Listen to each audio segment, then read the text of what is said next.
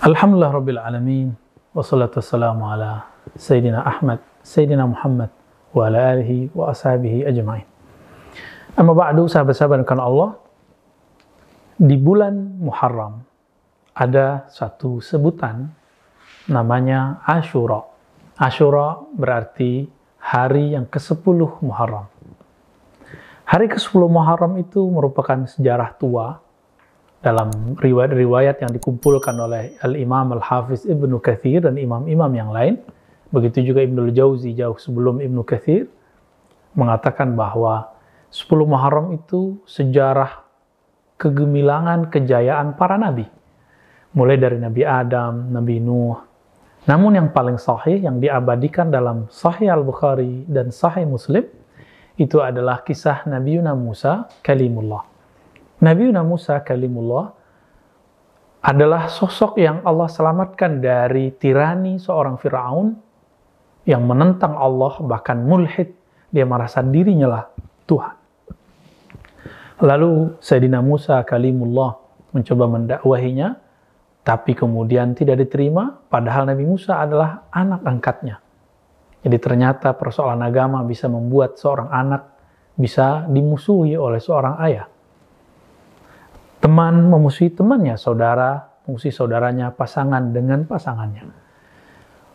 Wal akhir Sayyidina Musa kalimullah Allah selamatkan 10 Muharram. Walaqad najayna Musa. Kami sungguh telah menyelamatkan Musa. Lalu ketika Sayyidina Muhammad sallallahu alaihi wasallam Habibullah beliau hijrah ke negeri Tayyibah, negeri yang diberkahi Al-Madinah Al-Munawwarah, beliau melihat ada orang-orang Yahudi dari Bani Quraizah dan Bani Nadir, dua klan besar yang ada di sekitar Madinah, mereka memperingati 10 Muharram dengan cara berpuasa.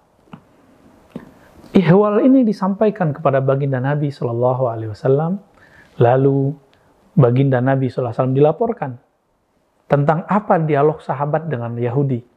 Bahwa kelompok Yahudi ditanya, Kenapa kalian berpuasa pada 10 Muharram? Mereka mengatakan, inilah hari Najatu Musa. Hari Allah menyelamatkan Nabi Musa. Ketika kabar itu sampai kepada baginda Nabi Shallallahu Alaihi Wasallam, beliau mengatakan, Nahnu ahakku Musa minhum. Kita lebih berhak memperingati keselamatan, kesuksesan Nabi Musa daripada mereka. Maka memperingati suatu hari mulia, hari besar, ini adalah salah satu sunnah yang dihidupkan oleh baginda Nabi Muhammad SAW.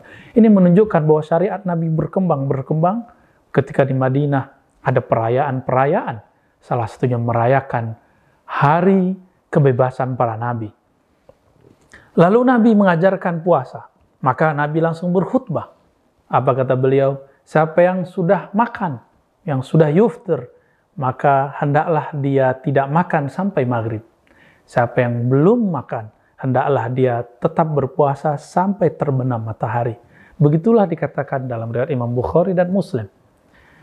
Berdasarkan itu, teman-teman sahabat melakukan Allah, maka umat Islam sangat membesarkan, mengagungkan 10 Muharram Ashura.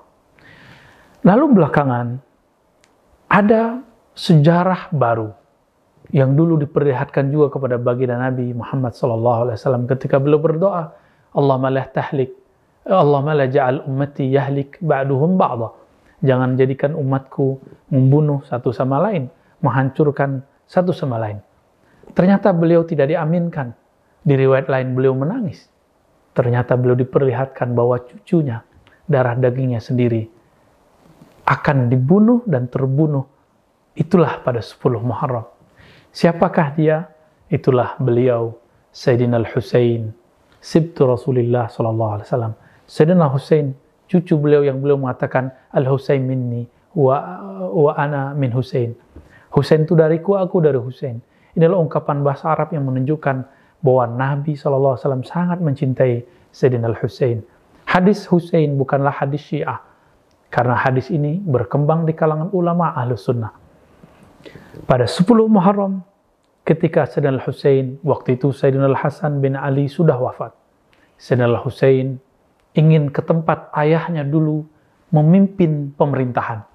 Jadi di zaman Sayyidina Ali, ayahanda daripada Sayyidina Hussein, pemerintahan Islam sudah dipindahkan ke Kufah. Orang-orang yang dulu mengikuti Sayyidina Ali ingin menjemput Sayyidina Al-Husain.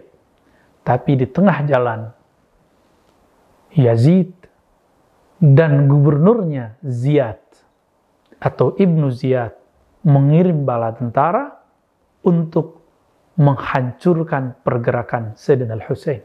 Maka terbunuhlah beliau pada hari yang sangat nahas tersebut, padahal hari itu aslinya adalah hari kegembiraan. Namun apakah kita menangis saja ketika Sayyidina Al-Husain wafat, gugur? Tidak. Salah satu keturunan beliau, Al-Habib Ali Al-Jufri, bahkan mengatakan, justru itu adalah hari intasara Sayyidina Al-Husain. Meskipun secara zahir beliau terbunuh, kepalanya dipisahkan dari badannya, tapi pada hakikatnya dia sedang dimenangkan Allah Subhanahu wa taala. Apa kemenangan yang didapatkan Sayyidina Al-Husain? Ternyata Sayyidina Al-Husain menjadi simbol hampir semua mazhab dan manhaj. Begitu juga tariqah. Tidak ada mazhab fikih, melainkan mazhab fikih itu lanjutan dari murid-murid keturunannya. Sayyidina Hussein punya anak namanya Muhammad Al-Baqir. Muhammad Al-Baqir punya anak namanya Ja'far As-Sadiq. Ja'far As-Sadiq punya murid namanya Nu'man ibn Thabit yang kita kenal dengan Abu Hanifah. Mazhab Abu Hanifah ternyata terinspirasi juga oleh Sayyidina Ja'far. Begitu juga Malik. Imam Syafi'i murid dari Malik. Imam Syafi'i murid daripada muridnya Imam Abu Hanifah. Abu Yusuf, Muhammad bin Hasan Syaibani. Dan tidak ada mazhab manhaj di bumi ini kecuali melewati jalur zuriat beliau. Meskipun mereka bukan zuriat Nabi, tapi mereka punya guru Ja'far Sadiq. Maka bagi kita Ja'far Sadiq imam ahlu sunnah. Meskipun bagi Syiah mengatakan ini imamnya Syiah itu hanya berebut karena memang sosok ini sosok yang luar biasa. Maka sahabat-sahabat dimakan Allah, 10 Muharram atau hari Ashura adalah hari kebahagiaan, juga hari kesenduan, kesedihan. Tapi di belakang itu ada kemenangan-kemenangan yang mana nanti keturunannya lahir dari mereka yang bernama Al-Imam Al-Mahdi. Assalamualaikum warahmatullahi wabarakatuh.